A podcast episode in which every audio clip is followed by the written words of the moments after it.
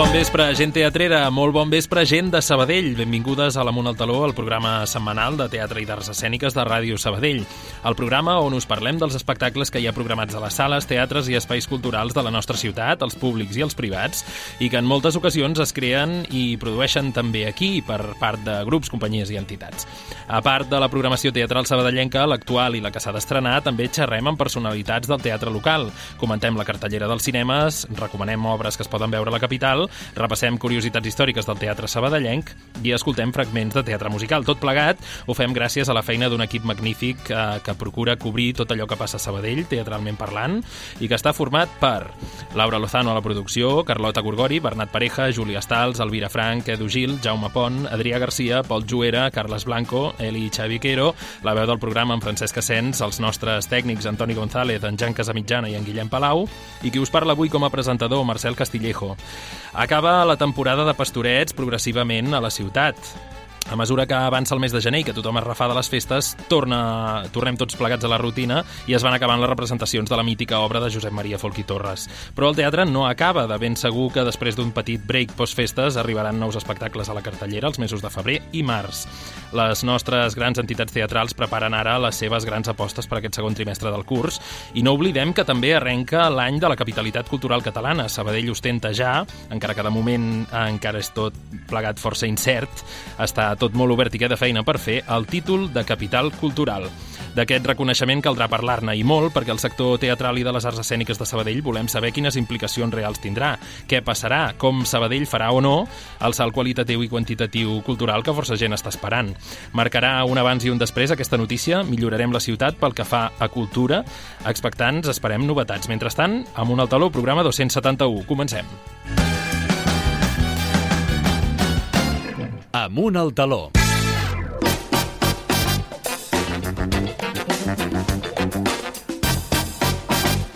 Arrenquem el programa d'avui, farem un cop d'ull a la cartellera teatral local amb la Júlia Stals, toca obrir de nou les agendes i anotar les propostes que més us agradin. Entrevistarem a Joan Cotros, codirector, dramaturg i encarregat de l'ambient sonor de l'espectacle Copiar de la companyia Animal Religion, una proposta de circ contemporani per a infants que ens planteja que copiar, imitar, és un acte que no ha de ser necessàriament negatiu, sinó que més aviat és una dinàmica que seguim durant tota la nostra vida per instint i per aprendre. La Júlia i també en Carles Blanco ens han preparat un anem d'estrena. Ens hem desplaçat fins al Teatre Sant Vicent Vicenç de la Creu Alta i és que continuen les funcions de la comèdia Nominicidi fins a finals de gener. Hem pogut parlar amb algunes de les espectadores que hi han anat aquest darrer cap de setmana i amb algun membre de l'equip de l'obra. Avui també ens posarem al dia sobre què està passant a la gran pantalla. Torna als estudis el nostre col·laborador més cinèfil, l'Edu Gil, per comentar algunes de les pel·lícules que podem veure als cinemes Imperial o Eix Macià. Per exemple, avui valorarem la premiada i entranyable Los que se quedan, la cinta d'acció Beekeeper i La Sociedad de la Nieve de Juan Antonio Bayona.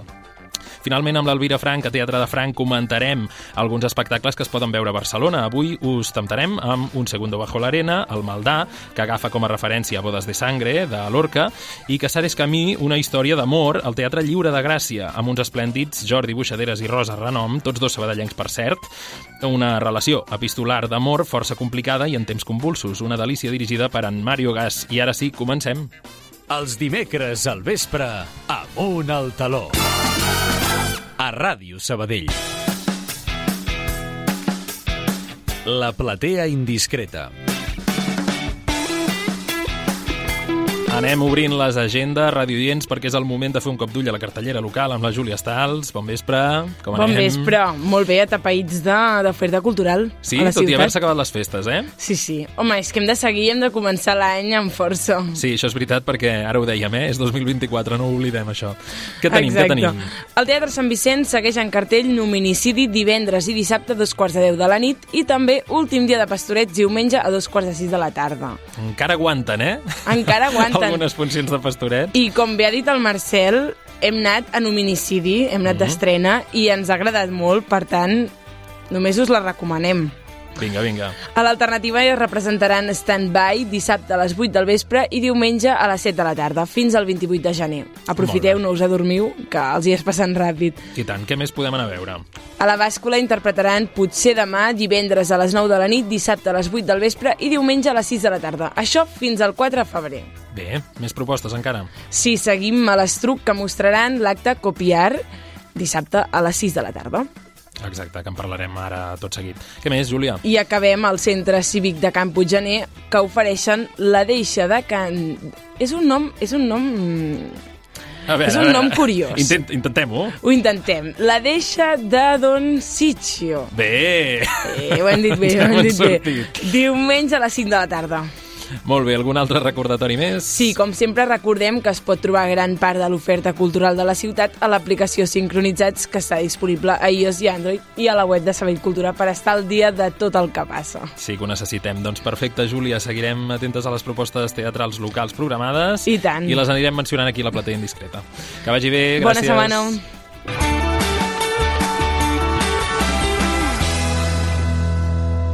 Amunt al taló.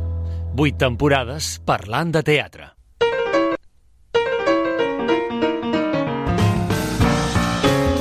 L'entrevista.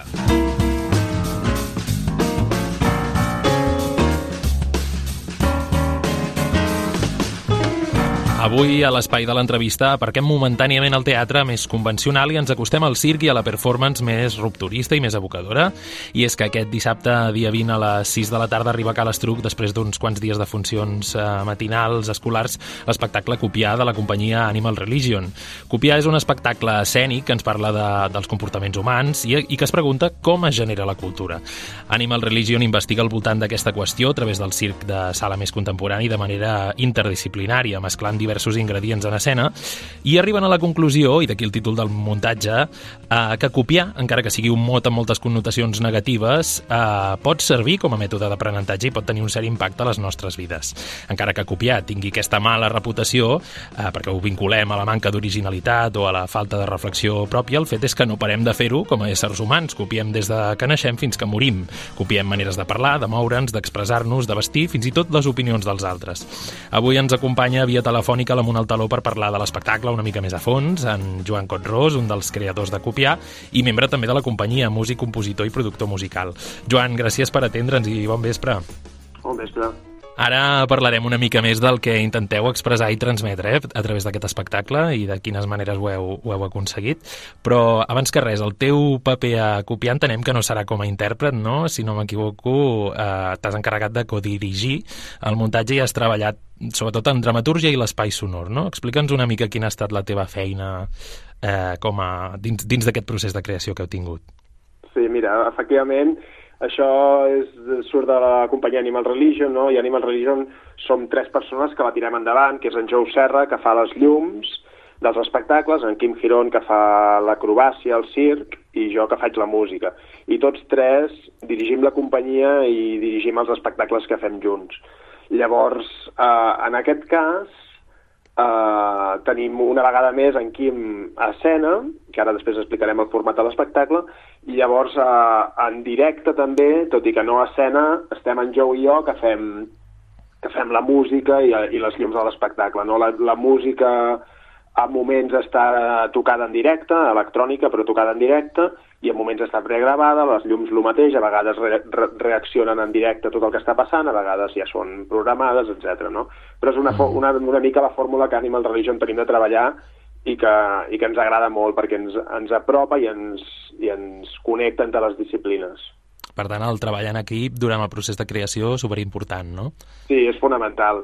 I en, I en aquest cas, exacte, com deies, a copiar, jo també, a part de l'espai sonor i de la direcció, diguéssim, codirecció entre els tres de la, de la, de l'espectacle, eh, a part he fet la dramatúrgia, que en un procés de creació com, com és el de copiar i com és com sempre treballar Animal, eh, no, és, no es tracta d'escriure un text a casa, tot i que he escrit textos, però no, no es tracta d'escriure un text o d'escriure una, una, una estructura ni similar, sinó simplement és com a partir d'aquestes improvisacions, a partir d'aquests temes que van aflorant a l'espectacle, anar intentant entendre què és el que l'espectacle està dient i, mm -hmm. i com dir-ho millor, no? Desenvolupar-lo més conceptualment, sí. no? Exacte. Amb l'equip del programa, que sempre estem atents i atentes a les cartelleres teatrals, eh, tenim molt la sensació que cada vegada més es té en compte l'aspecte sonor no? dels espectacles, el treball del so dels espectacles, perquè el teatre no només es veu, sinó que també s'escolta. Um, noteu que vosaltres com a companyia podeu explicar potser més coses treballant el so eh, o expressar d'una manera més completa, treballant aquest ambient sonor.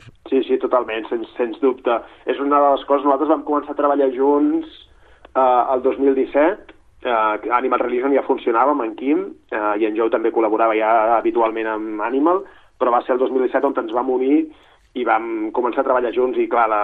i ho vam fer perquè en, en el procés de creació d'un espectacle on en Quim em va trucar com perquè fes l'espai sonor, eh, de seguida vam veure no, que, que anàvem molt més lluny si els dos estàvem a l'assaig cada dia i mm. treballàvem junts, i llavors, evidentment, amb en Joe igual, i sí, és que creix l'espectacle d'una altra manera, i, i al final, exacte, estem fent arts escèniques i no, i no és únicament el que passa el que l'espectador veu, no? sinó tot, tot, totes les sensacions que podem abocar amb ell, no? a través del so, a través de la llum, a través de, evidentment, escenografia, vestuari, etc etc. no? Mm -hmm.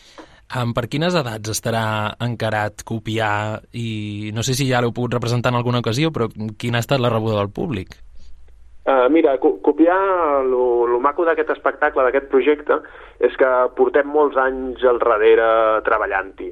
És una, això, tot això surt de, de fer unes improvisacions amb, amb diferents grups, amb adults, amb gent, amb nens, amb molts tipus de, de públic diferent que venien a, veure, a, a fer un taller amb, amb la companyia. Uh -huh. I llavors, uh, al voltant de uh, la pregunta què, què pot oferir a un taller Animal Religion, la resposta que va donar és eh, el que podem oferir és, és tenir una experiència escènica, no? d'improvisar i, de, i de treballar conjuntament amb aquestes persones que venen a, a, a, amb la voluntat de treballar amb nosaltres. No? I llavors d'aquí vam veure que era molt interessant el que passava en escena quan improvisàvem amb gent que no sabia què estava a punt de passar, no? que hi havia algo molt fresc i molt, mm. sí, molt, molt original amb allò que estava passant. I llavors és on vam veure el potencial d'aquesta proposta i vam començar a treballar. Per tant, Animal, uh, perdona, Copiar no està estrenat encara, uh mhm. -huh. però l'hem representat bastantes vegades, perquè i cada dia que el representem és una nova prova on podem treure unes noves conclusions i on les podem aplicar el següent dia. Evidentment, això és un procés de creació i sempre funcionen igual, no? Però, però en aquest cas, clar, és com diferent perquè, perquè és una cosa que des del 2018, d'alguna forma, portem, portem fent i, i llavors ara ja finalment vam dir no, el tenim ganes de, de fer-ho com un espectacle, el treballem, uh, sí, uh, treballem el que és necessari treballar i el presentem. Llavors, realment a l'Estruc el dissabte uh, és una estrena d'aquest espectacle, uh -huh. el que passa que, que no, o sigui, hem dividit com l'estrena en dos llocs, amb els dos productors principals, que són la sala de teatre Sala de Sabadell, no?, i, eh, i amb el Mercat de les Flors a Barcelona. Mm. I llavors al mercat hi som en el març, ara aquí estem a l'Estruc ara aquesta setmana, i, i doncs això, estrenem en els dos llocs. Per tant, aquí es podrà començar a veure, a intuir, i encara estem així acabant el procés de creació, i al març estarà acabat, acabat. Mm -hmm. Clar, per tant, el públic serà partícip, no? Ens hem d'imaginar d'aquest espectacle, compartirà el fet escènic amb, entenc que amb, amb, amb l'intèrpret, no? En aquest cas hi, ha, hi haurà un acompanyament de la companyia durant l'espectacle, no?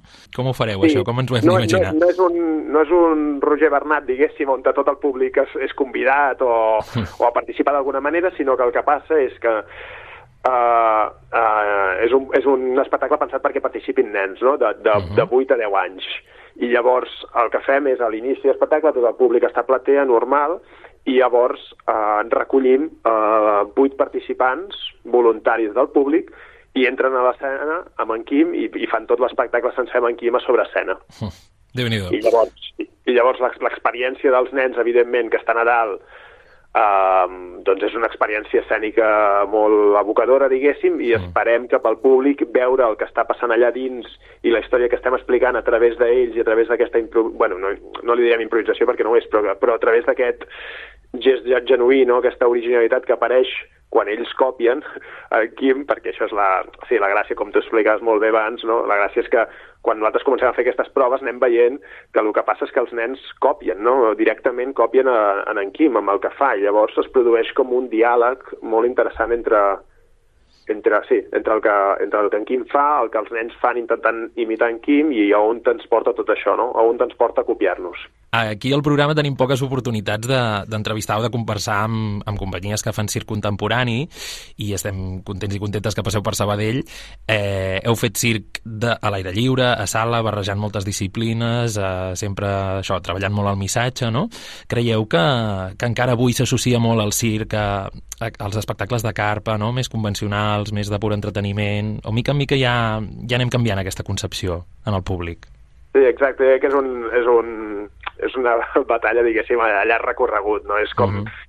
Tot, tot, tot s'ha d'anar obrint i és normal que passi, que, que...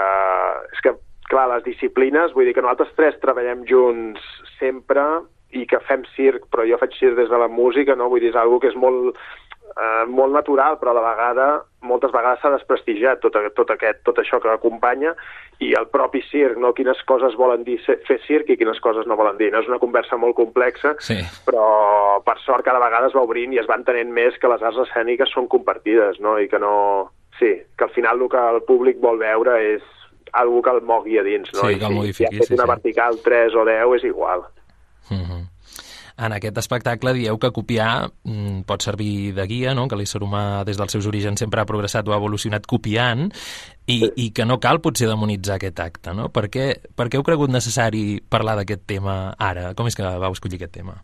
Sí, és, és això, com, com fent les pràctiques aquestes amb els nens, hem fet moltes pràctiques per a escoles on hem anat directament a fer tallers a diferents escoles i a veure què passava amb els nens, no?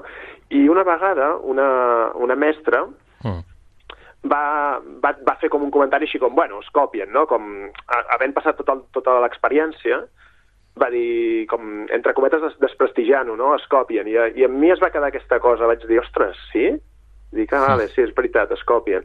I, i de cop, eh, pensant i és com, clar, clar, és que es copien i per què és dolent, no? I llavors, llavors aquí tota la reflexió i després llegint, hi ha, hi ha bastanta literatura al voltant d'aquesta idea, no?, de que, de que copiar és un, és un acte que està molt... Sí, molt demonitzat, sí, sí. Sí, exacte, i, i, que, i, que, i que en realitat és que, és que ho fem tota l'estona i tothom, i, i no només quan som nens, sinó quan som grans, i, i anem a demanar no, anem a dinar i el nostre, el nostre acompanyat demana una cosa i nosaltres demanem el mateix, perquè, sí. jo què sé, perquè sí, pel, pel, pel que sigui, perquè hi ha, hi ha gent que parla d'aquesta idea de, de la drecera, no? el pensament de em vull estalviar a pensar ara i que pensi ell i jo, jo, jo em copio la seva resposta i en realitat uh, si, si no hauríem d'inventar la roda cada dia, no? Uh mhm. -huh. Vull dir, és evident que ens estem copiant de, de totes les invencions i de, tot, de, de tota aquesta tot això heredat que portem de tota la civilització, no? I tot, I tot cau sobre nosaltres i nosaltres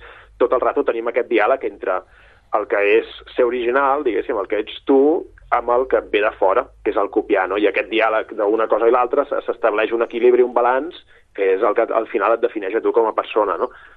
Evidentment, suposo que normalment quan es demonitza el copiar es parla d'un tipus de copiar, però està bé obrir la mm. mirada i entendre que, bueno, que, que, ho, que ho fem i que, i, que, i, i un cop acceptem que ho fem, llavors és com, què, què, què, què hi ha darrere, no? Que, a on ens porta aquest copiar? Què genera aquest copiar, no? I llavors és on t'entens, ah, vale, el llenguatge es genera a través d'això, la cultura es genera a través d'això, no sé, aquesta, hi, ha, hi ha moltíssimes coses que generen a través de simplement la còpia, com, com, com hem arribat a ara, no? I nosaltres mateixos, la nostra cara, el nostre, tots som petites còpies d'una mateixa cosa, no?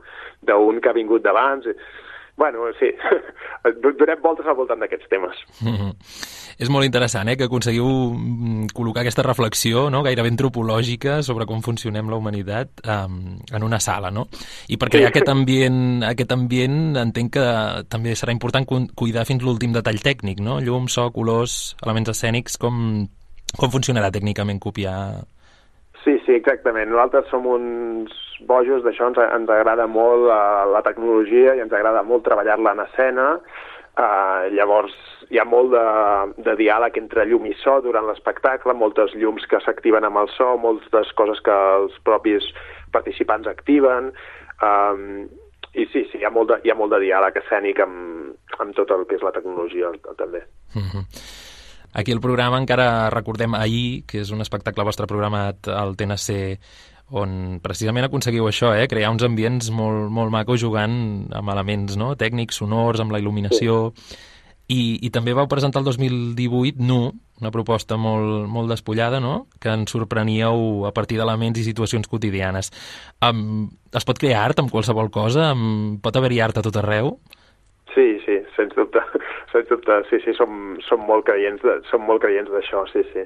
I a més a més està ple d'obres d'art, no?, de que, que surten de, sí, de qualsevol gest, no?, i, i normalment, bueno, eh, com més despullada la idea, no?, i més pura és, més maca de trobar-la, no? El que passa que són molt, són, aquestes idees van molt, van molt preuades. És molt difícil fer una cosa petita i que sigui tan essencial, no? Mm. Però sí, sí, a nosaltres ens agrada, ens agrada treballar amb aquest, intentant trobar una idea con concreta i explotar-la al màxim, no? I, I en escena també amb aquesta idea. En aquest cas, per exemple, en copiar, eh, tot gira al voltant del, del cub, no? de la caixa negra caixa negra del teatre, però a la caixa negra nosaltres portem físicament unes caixes negres que, que tenen llum, que tenen d'alguna forma tenen so, um, i que, i que d'alguna forma bueno, representen aquest cap tancat, aquesta, aquest cap inaccessible, no? En la pedagogia es parla d'això, no? Del, del, de, de, de com no pots saber mai què té l'alumne dins del cap perquè, perquè és un cap i llavors hi ha, hi ha, hi ha hi ha, hi ha pedagogies que intenten no, no posar-se allà dins perquè ho consideren un territori no controlat, etc etc. no? Mm. Llavors, amb aquesta idea de, del cap que no saps exactament què hi ha dins i, de que, i, de, i, i intentant trobar aquest balanç entre el que hi ha dins del cap, l'original, entre cometes, i el que li ve de fora i tot això, doncs al final la idea de la capsa tancada negra um, com a objecte estrany, no? com a objecte que aquests nens quan entren es troben i com, com juguen amb això, com reaccionen, etc etc. Tot l'espectacle es teixeix al voltant d'això. Per tant, efectivament, com deies, pots imaginar llums, pots imaginar escenografia i mm. pots imaginar molt de color. I molts efectes. Doncs ens quedem amb aquesta imatge de, de la caixa negra, d'aquest cap, d'aquesta ment no? inaccessible, que volem intentar desxifrar. I Exacte. també ens quedem amb aquest nom, amb copiar el títol de l'espectacle poètic, reflexiu, participatiu de la companyia Animal Religion, que arriba a Cal Estruc aquest dissabte a la tarda. Joan, moltes gràcies per, per la conversa, per dedicar-nos aquests minuts i us esperem aquí a Sabadell. Molt bon vespre. A tu, moltes gràcies. Posa't al dia de l'activitat teatral de la nostra ciutat a Ràdio Sabadell.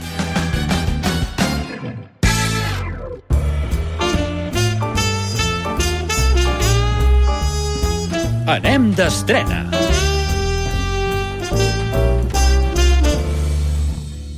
Bon vespre, avui ens trobem al Teatre Sant Vicenç perquè anem d'estrena en Hominicidi. Primera obra de l'any, Carles. Primera obra de l'any aquí al Teatre Sant Vicenç. I escolta una cosa, Júlia, hem vingut molt d'hora. Vull dir, actualment encara no arriba ningú aquí al teatre.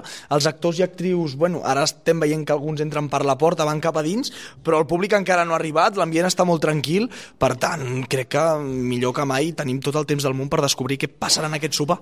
Totalment. I creus que el públic arribarà d'hora? Serà puntual o és dels que arriba tard? Hi haurà de tot, com en els sopars o als dinars familiars, que sempre hi ha gent que arriba més d'hora, hi ha gent que arriba just a l'hora puntual, i hi ha gent que arriba més tard, hi haurà de tot. I segurament tothom tindrà una excusa per cada cosa que faci. Doncs anem a seure a la platea, esperem que comenci, ens infiltrem en aquest sopar i després parlem amb el públic. Ara ens trobem amb l'Albert i la Montse. És la primera vegada que aneu al teatre aquest 2024? Sí. Sí. Què us ha semblat Nominicidi? És brutal, és preciosa, fa molt riure i està molt ben dirigida. Sí, és molt picada, eh, tu passes molt bé, és una obra recomanable 100%. Hem vist situacions que passen a una família i és, sempre es diu que cada família és un món. Què en penseu? Perquè, clar, hi ha coses que potser també passen a totes les famílies. Sí, sí, són coses que realment poden passar, eh? vull dir, no és una cosa extraordinària, segur que passa. A més a més, el, la tipologia de cada personatge, tota la família tenim personatges d'aquests tipus. Creieu que hi ha noms prohibits? No, jo crec que no. Jo crec que no, però sí que condiciona una miqueta. Quin nom segur que no li posaríeu al vostre fill o filla? Hòstia, Francisco. bueno, de fet, jo que Francisco Francos, eh? I, evidentment, no és un nom gaire, gaire oportú. Ens podríeu dir alguna anècdota que hagi passat a casa vostra durant aquestes vacances de Nadal? Així graciosa? Ostres, ara mateix em deixes fora de joc, no? No, no em veu ningú al cap, ara, eh? Mm, bueno, mm, Cap en concret. Doncs, si voleu anècdotes, veniu a veure l'obra. Ens trobem ara al vestíbul del Teatre Sant Vicenç amb el Josep i la Montse. És la primera obra que veníeu a veure el 2024? El 2024 sí, si quasi no hi ha temps, no? Si no són Sí, sí, la primera, la primera hora. Molt bé. I escolteu una cosa, aquest 2024 serà un any ple de teatre? Anireu a veure moltes obres de teatre? Com serà aquesta temporada teatral? Ens agrada, anem a veure forces obres, sí, sí. Tenim intenció de, de veure diverses obres. Què us ha semblat Nominicidi? Molt bé, molt bé, realment, ens ha agradat una obra, a veure, amb molt text i molts personatges, però ben resolta, jo crec, sí. I molt, Molt ben- treballada i, i els, els personatges molt, molt ben... Molt ben ho han fet molt bé. Creieu realment que hi ha noms prohibits i noms autoritzats? No, no s'havia acudit mai, la veritat. No. No, no, no. Però hi ha algun nom que, per exemple, no posaríeu al vostre fill o filla? Depèn, però no per raons eh, ni històriques ni polítiques, no? Serà per...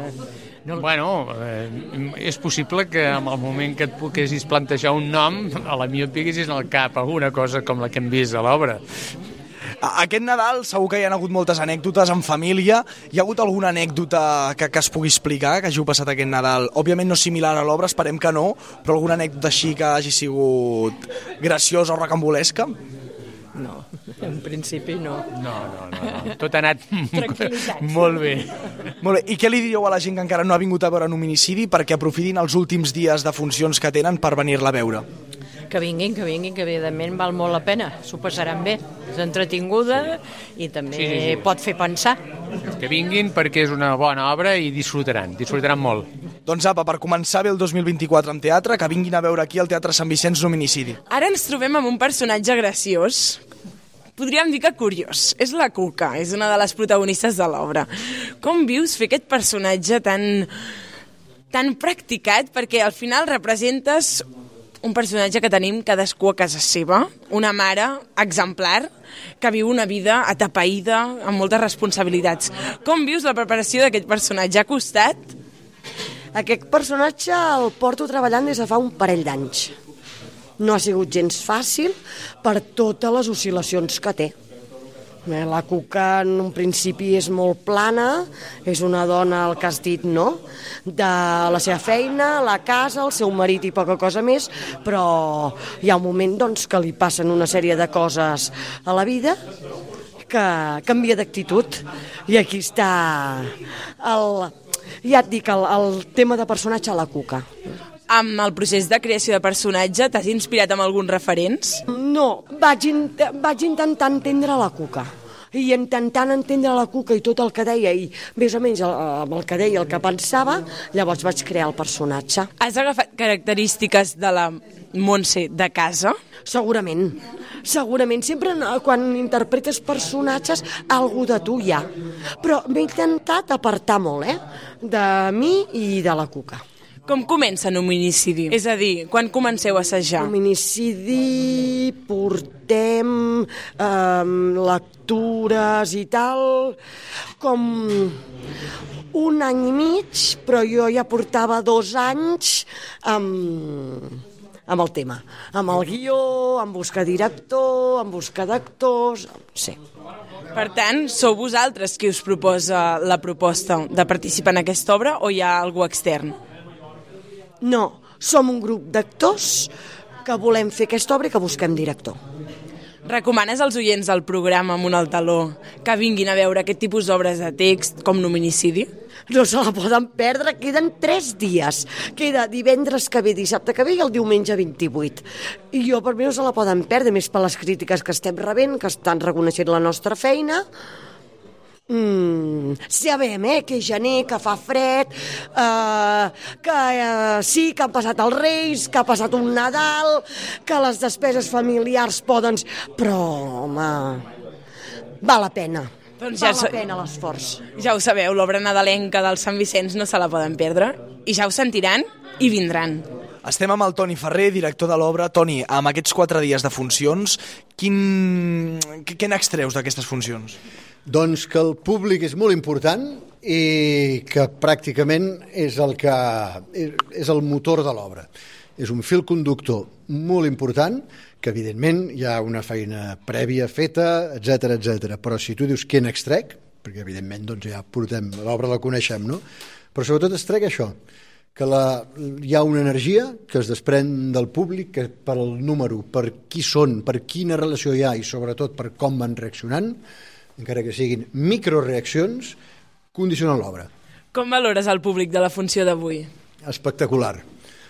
Molt bo. Bueno, és que, a veure, no, potser no hi ha públic bo i dolent tampoc, eh? però hi ha qualitats de públic, no? Potser un públic de divendres a la nit que estan cansats i que no ho exterioritzaran no? d'una forma molt evident, però disfruten. El públic d'avui penso que es notava que són, són coneixedors, també hi ha una mena de públic que venen perquè saben que l'obra es fa, perquè la coneixen no? a nivell doncs, dels mitjans públics i decideixen anar-la a veure, i hi ha públic doncs, que és doncs, friends and family, no? El, els allegados, no? que venen doncs, perquè, perquè et coneixen a tu com a, com a actor. No? A, a l'hora de transmetre als actors el que volien que plasmessin dalt de l'escenari, què els hi deies tu? Quin consell els hi donaves als actors i actrius? Home, un consell... Bé, és molt difícil, perquè hem treballat durant tants mesos que penso que no, no puc dir els hi deia això. Jo els he agafat de forma molt individual, a mi, no, dir, molta gent no m'ho... Però els actors, i jo normalment dic d'entrada no, no es pot dir els actors, perquè en tinc sis i cada un, han, han, cada un és del seu pare o la seva mare. Són, són persones molt diferents que a més a més han de fer uh, papers molt diferents. Llavors, penso que no, no es pot generalitzar. He treballat moltíssim amb ells, no em sona que els hagi dit res, allò, tu potser vas, no? em preguntes per allò, disfruta, doncs no, la veritat és que no, no sóc, jo penso normalment és difícil disfrutar, perquè, perquè bé, jo també, també sóc actor, no? però sobretot, i, i sé lo difícil que et poses i, la, bueno, la dificultat que, que tens quan, quan trepitges l'escenari, però sí que ja que m'ho preguntes he, he acabat potser reduint a cada actor un sol adjectiu per cada un d'ells, no? per, per lo que el conec i per la feina que sé que ha de fer, redueixo allò, la, un adjectiu a tenir en compte, no? com si fos una l'última ordre, no? l'última instrucció. La Montse, l'actriu que interpreta la Cuca, ens ha dit que porteu més d'un any i mig preparant aquest projecte. Entenc que al ser la teva primera vegada com a director hi ha aquells nervis de, de com sortirà, de com anirà, coses que controles més, coses que controlen menys, que et venen de nou. Has aconseguit disfrutar l'obra en aquests moments o encara segueixes patint per certs detalls de, de com sortirà? Vale, I haig de ser sincer i dir la veritat. Correcte. Doncs avui és el primer dia que ja penso que no haig de patir per res.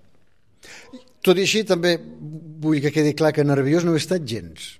Gens. No, no he patit nervis en el sentit que sabia que tot podia anar més o menys bé, però dintre d'una escala de béns, no?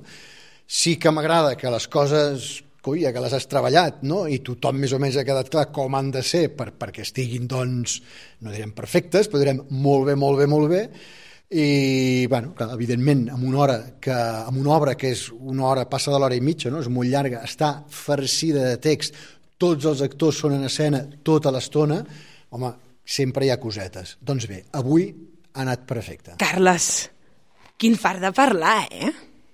No, no, les disputes han estat increïbles. No direm res, no direm res, però perquè tota la gent que ens ha dit coses i tal, ens queixàvem de que la gent no deia res i al final, escolta, la gent s'ha animat i ens ha dit moltes coses, però... Ens hem sorprès i jo crec que tothom ha sortit una mica inspirat de hominicidi. I potser es pensaran més els noms dels fills. Doncs segurament sí. Segurament la gent reflexionarà molt més, pensarà molt més... Bueno, que vinguin a veure l'obra, que vinguin a veure l'obra i que la disfrutin. I tant, que vinguin. I doncs fins aquí l'ànem d'estrena d'avui. El Teatre Sabadellenc a Ràdio Sabadell.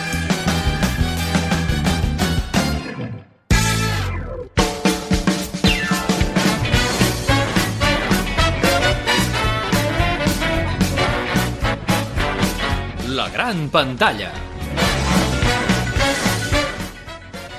Avui ens visita de nou el nostre cinèfil de capçalera perquè amb ell volem valorar i comentar breument algunes de les pel·lícules que tenim en cartellera actualment, als cinemes Imperial i Eix Macià. Tenim una cartellera una mica ensupida, tot sigui dit, després de festes, però a veure si podem salvar alguna coseta i us l'expliquem. Uh, esperem que l'Edu sigui clement avui. Com estem, Edu? Què tal? Molt bé, Marcel. Gràcies per convidar-me un altre cop i un plaer estar aquí. Estem d'acord o no que està una mica ensupit, això, el Sí. panorama S'ha de saber triar, perquè si no pots portar alguna decepció. s'ha de triar molt bé. Vale, doncs per això t'hem fet venir, per això t'hem cridat. Si et sembla, comencem comentant una pel·lícula que ha estat premiada, ha rebut un, alguns globus d'or, que és Los que se quedan.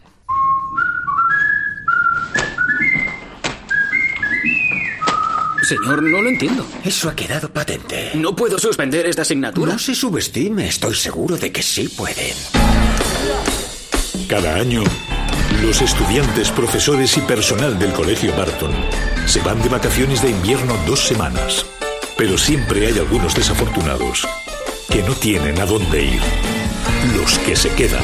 Señor Hanna. Hola, Mary. Ya veo que le toca hacer. Aquesta entranyable pel·lícula ens presenta un professor rondinaire i odiat per tothom d'un prestigiós col·legi privat americà, un internat, que es veu obligat a quedar-se al campus durant les vacances de Nadal a càrrec d'un grapat d'estudiants que no tenen on anar perquè les famílies no, no els han permès sortir o no els han vingut a buscar. Contra tot pronòstic, la convivència obligada el portarà a forjar un vincle força interessant amb un alumne repetidor problemàtic, eh, però també molt intel·ligent, que està enrabiat amb la situació i que té els seus propis traumes personals. Uh, també es quedarà al col·legi la cap de cuina de l'escola que acaba de perdre un fill a la guerra de Vietnam i que s'ha quedat sola per Nadal. Uh, una pel·lícula... L'adjectiu és entranyable, no, Edu?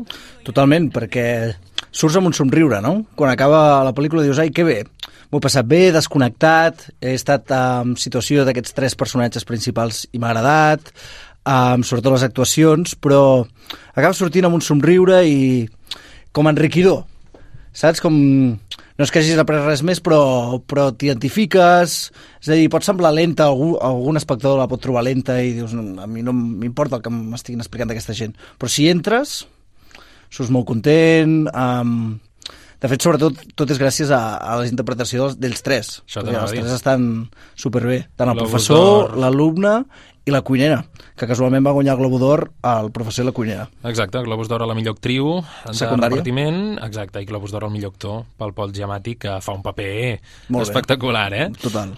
Jo crec que la pel·lícula al final també és un reflexe de, de la soledat i jo crec que ell ho, ho demostra molt bé amb, sobretot amb, quan li pregunten i, i ell està i ell està conforme amb aquesta soledat. Però clar, és un retrat um, bastant positiu però que vull dir, va, una, va sobretot també dels canvis que inclús encara que arribem a certa edat també és bo canviar i acceptar-ho a la trama de la cuinera que ha perdut el fill eh, i que ha perdut doncs, la il·lusió de viure d'alguna manera i que està molt ensorrada, també és bastant interessant, no? L'anem seguint.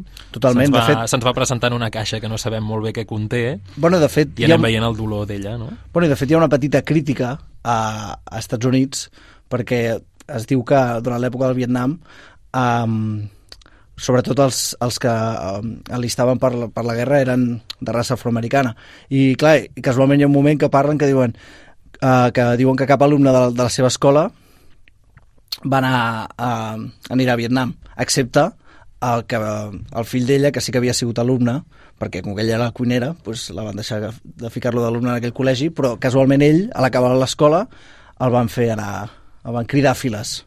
Mm -hmm. I per mi és com una crítica a això, a la guerra del Vietnam. No sé si estaràs d'acord, bona valoració també del guió, no? amb un munt de- d'elements que es van plantant i que recuperaran en escenes en seqüències posteriors i que seran molt simbòlics i molt importants, no? L'arbre de Nadal, el whisky de marca, els, Els llibres, llibres. de Marc Aureli, l'estravisme del professor... Tot d'elements que s'aniran recuperant més endavant. Home, els ulls del professor, l'olor... I les mentides, no?, que diuen un i altre, tant el professor com l'alumne, per protegir una mica la seva integritat d'alguna manera, Bueno, però un- que xoca amb aquest codi d'honor tan rígid de, de l'escola privada, no?, de l'internat. Bueno, és com una espècie de, de joc que tenen els dos personatges principals i que està molt bé perquè hi ha com una evolució en aquesta, és com una, li podríem dir com una subtrama a dins de, de la pel·lícula que és el, el joc de les mentides que es van dient entre ells. Mhm. I que és força divertit, eh? Sí. Clar, són personatges que han intentat sortir-se'n a la vida i que a més a més tenen moltes capacitats, tant el professor com l'alumne, que no treu males notes, no? però que han hagut de conformar-se amb, amb el que tenien, no? I potser deixar estar una mica les aspiracions i... No, i és el que feien molt les pel·lícules d'abans, no t'estic parlant de fa massa, d'uns 15 o 10 anys, hi havia Sí. moltes pel·lícules d'aquest tipus de mm, conèixer mm, aspectes psicològics um, dels personatges i profunditzar-los i una mica com una espècie de road movie, com una espècie de viatge a la pel·lícula per descobrir-se i arribar a un punt que no, es, que no es pensaven que es trobarien mai, però que gràcies a aquest viatge s'hi troben i l'accepten de millor manera. Jo crec que la pel·lícula va d'això. Mm -hmm. I, I és la gràcia i és, és lo maco, és lo bonic. Per tant, una pel·lícula sobre la superació, sobre uh, si podem aconseguir pair aquests traumes personals que tots tenim o, o si se'ns acaben menjant aquests traumes. Uh, I una pel·lícula que també a mi, almenys personalment, Edu, em va sorprendre molt per la fotografia, que estava molt cuidada. No, i sobretot um, ja si, si veieu la pel·lícula veureu que um, es sembla que estigui rodada en 35 mil·límetres, uh -huh. perquè es va veient com la, es va veient com els foradets i tal, però està passada en digital. I té, eh, ja amb això, amb aquest format, ja té com et dona com l'ambientació dels ja, anys 70. Tot un caliu i tot un... Exacte, sí. que jo trobo és un punt a favor. Sí, sí, sí, sí, tens tota la raó. Uh, quina nota li posem, Edu? Un 8. Home, déu nhi dubtava entre el 7 i el 8, però no, no, avui dic 8 i potser d'aquí un mes dic 7, però no ho sé. Avui aprofitem-ho, va, que l'Edu està generós. Saltem de, absolutament de gènere uh, i anem a parlar una miqueta sobre Beekeeper. Es usted una bendición, señor Clay. Aquí solo había hierbajos y maleza, y usted le ha devuelto la vida. La señora Parker y yo éramos amigos, como si fuéramos familia. Era la única persona que se ocupó de mí. He recibido un mensaje de que tengo un virus. Un beekeeper és un agent d'alt nivell a qui només es recorre en situacions d'extrema urgència, d'extrema emergència nacional. L'Adam, interpretat per en Jason Statham, és un agent retirat i es posa en marxa de manera independent després de descobrir una conspiració i trama de corrupció a les més altes esferes del govern que implica moltes persones molt poderoses. Edu, una pel·lícula d'acció, 100%, amb aquest actor que ja el recordem, no?, de, de moltes altres cintes eh, també d'aquest gènere. Una pel·lícula amb molta testosterona, no?, també? Bueno, jo ho veig com un intent d'imitar una mica la saga de John Wick.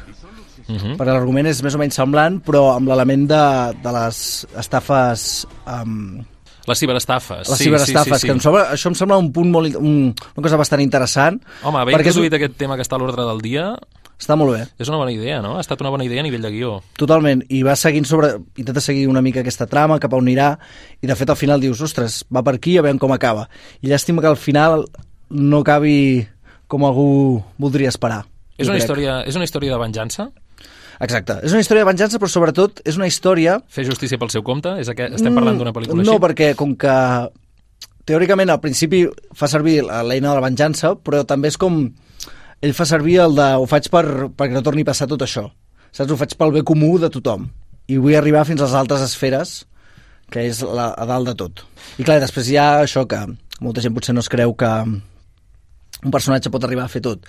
I al final això ja, totes les pel·lícules ho fan i a, a mi ja m'és igual. És un superhome, no? Exacte, això ja m'és igual. Però, per exemple, la subtrama policial... Sí ja em costa una mica més, perquè no m'acabo de creure els, els personatges, són com molt, al principi molt mal dibuixats a nivell com molt patètics, tot i que treballen a l'FBI, però al principi es dibuixen com molt patètics, i van escalant a poc a poc per intentar atrapar uh, el protagonista, però eh, no, per mi desencaixa una mica el to de la pel·lícula mm. per mi, personalment. És el que em, em trontulla i ho considero una cosa negativa. I una cosa que també les escenes d'acció no acaben d'estar uh, del tot polides a nivell de planos.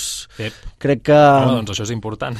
Sí, um, crec que falla. I, el, I un dels principals problemes és que recomano no veure el tràiler sencer, és a dir, sí escoltar una mica de què va a l'inici i veure que es venjarà i tal, però ja està, perquè hi ha un tràiler llarg de 2 minuts 50 que t'ensenyen totes les escenes d'acció. No se'n deixa ni una.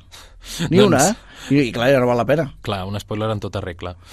Quina nota, nota, nota, nota, sí, sí. Quina, quina? Um, va, un cinquet. Un 5. Estic generós avui, eh? O sigui ficar... potser, potser en podem triar un altre, i no Beekeeper. ah, va, ara sí que posem l'alarma d'espoiler, si plau. Alerta, spoiler. Ah, perquè parlarem de la Societat de la Nieve, va. Mírame los ojos, mírame los ojos. Ya, ya no se ve. Y aunque pasen por encima nuestro, no van a ver pasa cuando el mundo te abandona. Cuando no tenés ropa, te estás congelando. El 1972, un vol procedent d'Uruguai amb 45 passatgers s'estavella en unes muntanyes glaçades al vell mig dels Andes. Atrapats en un dels indrets més hostils del planeta, es veuran obligats a lluitar per les seves vides.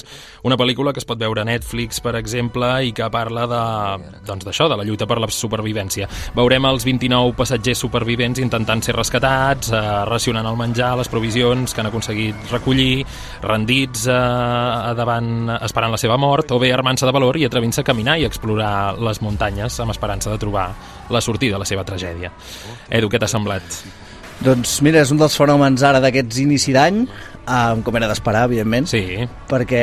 Tot ho feia pensar, no?, per la magnitud de... Bueno, de, de la producció, producció, clar, 60 milions, rodada en castellà... És a dir, jo crec que... Um, sobretot el mèrit que té és intentar-se semblar el màxim real possible. És a dir, a comparació de l'altra pel·lícula que havia explicat el mateix, jo crec que el seu problema era que els, el repartiment era americà i la pel·lícula en versió original es parla en anglès. I llavors no tenia massa sentit que, clar, els personatges reals no parlaven anglès. I clar, i, i una cosa a favor d'aquesta pel·lícula és que sí, tots parlen en castellà amb l'accent d'Uruguai, argentí, el, el que sigui, ja queda creïble, queda Sí. realista. En canvi, llavors ara tu re revisites la de Viven i ja treu de la pel·lícula una mica, perquè sobre són actors com John Malkovich, uh, Ethan Hawke, que desentona, desentona bastant. En canvi, ara tu creus més, eh? Creus que és més versemblant Totalment. la versió del, del Bayona. Uh, clar, uns, uns personatges que viuen en una situació inhumana, um, que estan desesperats per sobreviure, que busquen diferents estratègies per fer-ho. Això ho hem vist moltes vegades en moltes altres pel·lícules de catàstrofes i de, de més, no? Totalment. Jo suposo que el mèrit també és, és mantenir l'entreteniment al guió, que s'inspira sobretot en el llibre que es va publicar um, tampoc fa tant, som uns 15, 15 anys aproximadament, que es deia La Societat de la Nieve. Que aquell llibre estava molt bé perquè aquest era un retrat intentava ser el més fidel possible, després d'entrevistar-se amb tots els supervivents i sobretot agafant un personatge que um, va morir, però agafant-lo com a eix principal de la Mhm. història. Per això em posaré d'alerta spoilers perquè no vull que... que... I per algun altre que encara podem fer.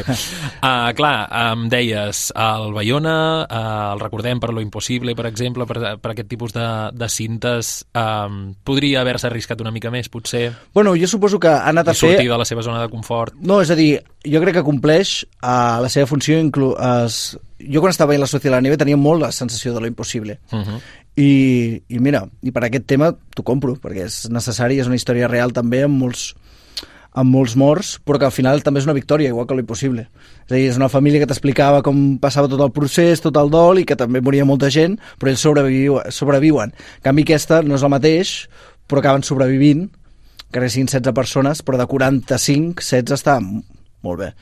I clar, ha una mica és aquest viatge. I el que deies tu, jo crec que el que hauria de fer el Bayona és ara se- intentar-se separar d'aquest tipus de pel·lícula de drama amb fets reals, de patir i tal, perquè si no s'encasillarà, ja ho està fent. I presentar alguna cosa una mica diferent, potser. Correcte, que a veure, va presentar la de Jurassic World, el Reino Caído, però clar, també era un producte molt de càrrec i d'estudi que ell, per exemple, mm, doncs tampoc molt podia fer a nivell creatiu. És només seguir el guió, les instruccions i, i, i ja està, i vas fent.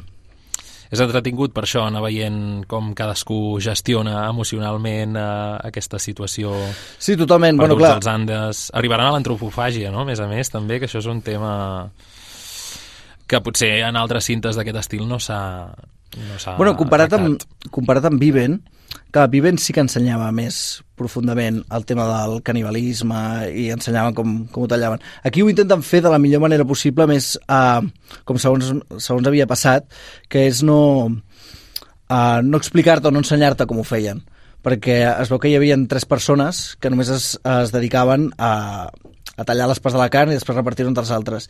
I una de les normes era no dir a qui s'estaven menjant. Val. Saps? Clar, perquè si no...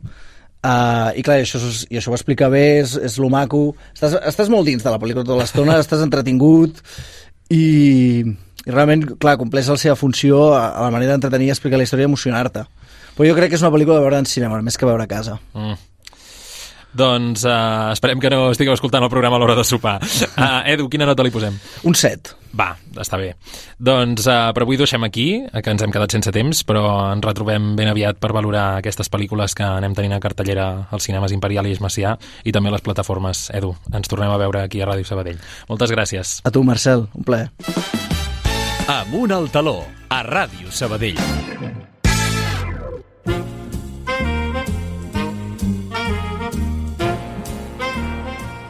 Teatre de Franc. Arribem al tram final del programa i això vol dir que ens visita l'Elvira Frank i que toca Teatre de Franc. És hora de repassar algunes de les propostes teatrals barcelonines més interessants amb la nostra experta teatrera. Bon vespre, Elvira. Com Hola, estem? vespre. Tot bé? bé? Bé, bé.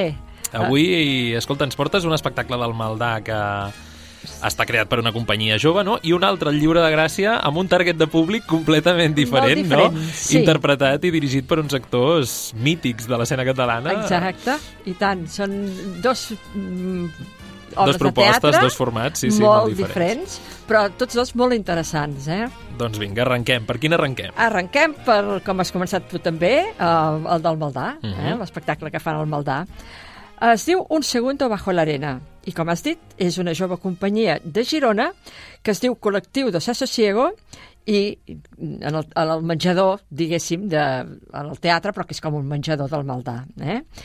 Mentre fem cua a l'escala per entrar al teatre, aquella escala de cargol que tots coneixem, Sí. que hem fet més d'una vegada cua, eh? eh, ens ve a buscar un personatge amable i content de retrobar-nos. Es posa entre els que estem esperant i va saludant a les persones. Oh, quina il·lusió que em fa de veure's, passeu, Mm. passeu. I ens condueix a l'espai teatral, convertit, ja és un menjador, però aquesta vegada és un menjador on s'ha celebrat un festí d'un casament. Les taules on ens fan seure encara hi ha restes de menjar, copes mig plenes, estovalles tacades. També hi ha parada la taula nupcial, que aquesta vegada no es pot ocupar. La deixen pels nuvis. Poc després, una serventa fa canviar de lloc algun espectador buscant alguna excusa per fer-ho. Ara, el públic serà eh, part d'un pòstum casament. La núvia, després del casament, ha fugit i ha deixat plantat el nuvi i els convidats. I tots han marxat. Només s'han quedat quatre persones. I ara tocarà als espectadors eh, substituir-los per acabar la festa amb pau i alegria, amb la companyia d'aquests quatre personatges, que són quatre actors, tres actors i una persona que toca el piano, i que aniran fent diversos personatges. Basat en l'obra Bodas de Sangre de Federico García Lorca, el que dèiem, dues actrius, un actor i un músic faran reviure aquest drama de manera festiva. El músic va posant notes a les interpretacions que tant poden ser uns convidats, com la núvia o el nuvi, o també una cambrera o l'amant de la protagonista. Piano vell i descobert, bateria, efectes musicals allaunats, la lluna, la famosa lluna de, de Lorca, sempre present, poemes i diàlegs de les obres de l'autor granadí, barrejats amb el parlar més popular català. I, a més a més, boniques coreografies. I per acabar, una copeta de moscatell, neules i torrons per obsequiar els nous convidats, que és el públic, i s'acaba amb ball inclòs, Carai. ballant els actors amb els, amb els convidats, amb el públic. Mm -hmm. Una idea molt original, amb dramatúrgia d'Aleix Solsona i Carla Coll, i protagonitzada per tres fantàstics intèrprets. Pol Toro, Carla Coll i Eva Ferrer, que el dia que vaig anar jo s'estrenava substituint a Camila i Latron. I també l'acompanyament musical de Gaspar Cors. Un muntatge pensat per fer-lo a l'aire lliure i que pren nova dimensió en aquest bonic menjador del Maldà. I que també funciona, no? Molt. A sala? Mhm. També. Mm, és molt desinhibit tot, sembla que improvisin, però no improvisen, i tant com pot ser teatre de carrer, també eh, a dintre la sala aquesta doncs, ho han adaptat molt bé. L'espectacle es va presentar i ho van estrenar a la Fira de Tàrrega del 2022 i aquell any va guanyar el Premi de Suport a la creació del certamen, el Premi Moritz a la millor escena de carrer i el Premi de la Crítica com a millor espectacle de nova veu. Una festa que, ni que sigui un segon amagat sota la sorra, com diu el títol, el teatre i la dramàtica de Lorca sempre serà present. En tot moment van dient trossos de- d'obres, de, de diverses obres de Lorca, eh? Però que la companyia ho ha mm, transformat en una versió molt divertida. Uh -huh. Aquesta obra la podem veure fins al 21 de gener. Molt bé. Encara teniu temps. Fa gràcia, no?, que de tant en tant sempre va sortint Federico García Lorca a la cartellera Sí. teatral barcelonina. Des no? de Es va- que es van complir els anys de que es havia mort, uh Mhm. -huh. eh, que ja no es paga dret d'autors, diguéssim, perquè hi ha uns anys, em sembla que són uns 80 anys, uh Mhm. -huh. després de la seva mort, que es va pagant en els, els hereders. Uh, des de que es va complir aquests 80 anys... Ha sigut una explosió de Lorca. Exacte, sí. Doncs Però va- Sempre és un plaer, per això, eh? Sí, Conèixer sí, obres de. Lorca, siguin així divertides o, o serioses, tal com les feia ell. Vinga, passem a la segona recomanació d'avui. La segona recomanació és Casares Camus, una història d'amor, una adaptació teatral feta per la Rosa Renom de les cartes entre l'escriptor algerià Albert Camus, el Premi Nobel de Literatura 1957, Sí. i l'actriu gallega Maria Casares, exiliada a França l'any 1936. Quan l'actriu sabadellenca Rosa Renom va llegir el llibre Correspondència 1944-1959, on hi publicaven aquestes cartes entre els dos amants, li va agradar tant que va decidir fer-ne una adaptació pel teatre. Al mateix temps, va començar el seu amic i ciutadà, Jordi Buixaderes, que també és sabadellenc, perquè l'acompanyés en aquesta aventura. Faltava el director i van triar un dels directors de teatre més reconeguts actualment, el Mario Gas. L'èxit estava assegurat només amb aquests noms. I la prova va ser que es van exaurir totes les entrades al Teatre Lliure de Gràcia abans que s'estrenés la funció. Prèviament l'havien estrenada a temporada alta i va assolir un acceptable èxit. Una posada en escena que a mi em va agradar per l'abundant d'estris amb elements mm, abstractes que defineixen com és cada personatge. Un piano, que a vegades toca sol, amb unes melodies molt agradables franceses, tres butaques, representant l'actriu, no? que la Maria Casares, uh, i, i unes cortines vermelles al, al darrere, i a cada banda unes estanteries repletes d'utensilis, alguns personals i d'altres més comuns. Es redueix, redueixen les escenes unes projeccions que van situant els anys i els esdeveniments més importants que, d'alguna manera, van marcar la vida dels protagonistes. I que no molesten, eh, aquestes projeccions. Són, Gens. una, són unes imatges bastant suggerents, vas veient els dos personatges, no? Sí, sí. Casares Camí i, i et vas imaginant... vas veient com va passant el temps Sí, també, sí, sí, eh? sí, i et sí. va situant cada època. Mm. A més Mm. a més, no és una pantalla només. És, és, Sí, és tota una mena de, de, Sí. de plafons que són envolten com tres l'espai plafons, escènic. Sí, sí, exacte. sí, sí, sí. Que no és allò de dir només una pantalla al centre. El condicionant que per ser una persona casada, ell, és una, era una persona casada i bastant conegut, és com les seves cartes són com més fredes. I ella, més agosarada en les seves expressions, ja que no tenia cap lligam amb ningú. Així tot, van mantenir la seva passió tenint altres relacions amoroses en, també, eh? Sí, Paral·leles, eh? Sí, sí. Unes cartes que es van enviar l'un a l'altre durant 15 anys. Moments de postguerra, de mort, d'algun familiar proper, de penes i també d'èxits que van compartir en els seus escrits. L'actriu i l'actor conversen cada un al seu lloc. No hi ha cap mena de retrobament físic entre tots dos, només el seu intercanvi de paraules, aquestes cartes, i les mirades. Sí que es miren, però no, no, ells dos no, no actuen, diguem, presente. Sí, no es dirigeixen l'un a l'altre, sinó que Van hi ha aquesta llegint. distància de la relació epistolar que es manté també en escena. sí. Exacte. I jo diria que és un goig veure aquestes grans actuacions i aquesta direcció tan mesurada Mm. i tan ben feta. Mm, Bé, és una bona Val la pena només per la presència no? de, de la Renom i el Buixaderes Exacte, per les seves actuacions. i per la manera també de, no direm de declamar, però no, de, de, De- dir, de dir. el teatre ben dit, no? Sí, La sí, recuperació sí. del teatre que ben dit. s'escolta des de tot arreu.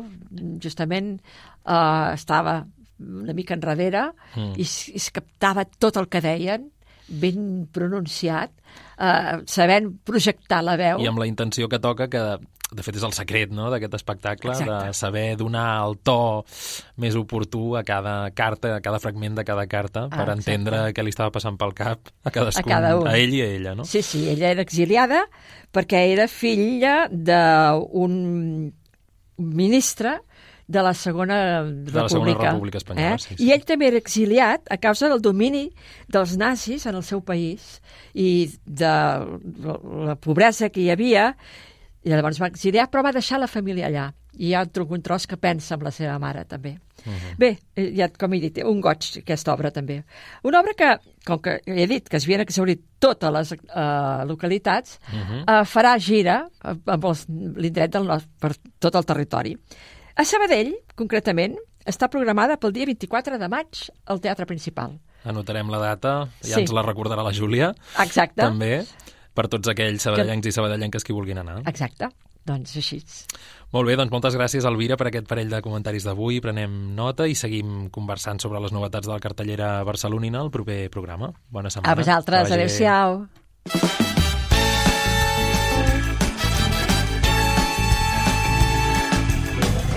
I així tanquem l'Amunt al Taló d'avui. Si voleu tafanejar què fem entre vestidors, seguiu-nos a Instagram, arroba amuntaltaló.està. Us recordem que podeu recuperar tots els nostres programes a Spotify, només cal que busqueu Amunt al Taló al cercador i trobareu el podcast. Rescateu també aquest programa i tots els altres a la carta al web de Ràdio Sabadell. La setmana vinent us parlarem dels pastorets, del taller de teatre infantil, de joventut de la faràndula, de la capitalitat cultural i de curiositats del teatre local amb en Jaume Pont. Fins aviat. Bona nit. Amunt al taló.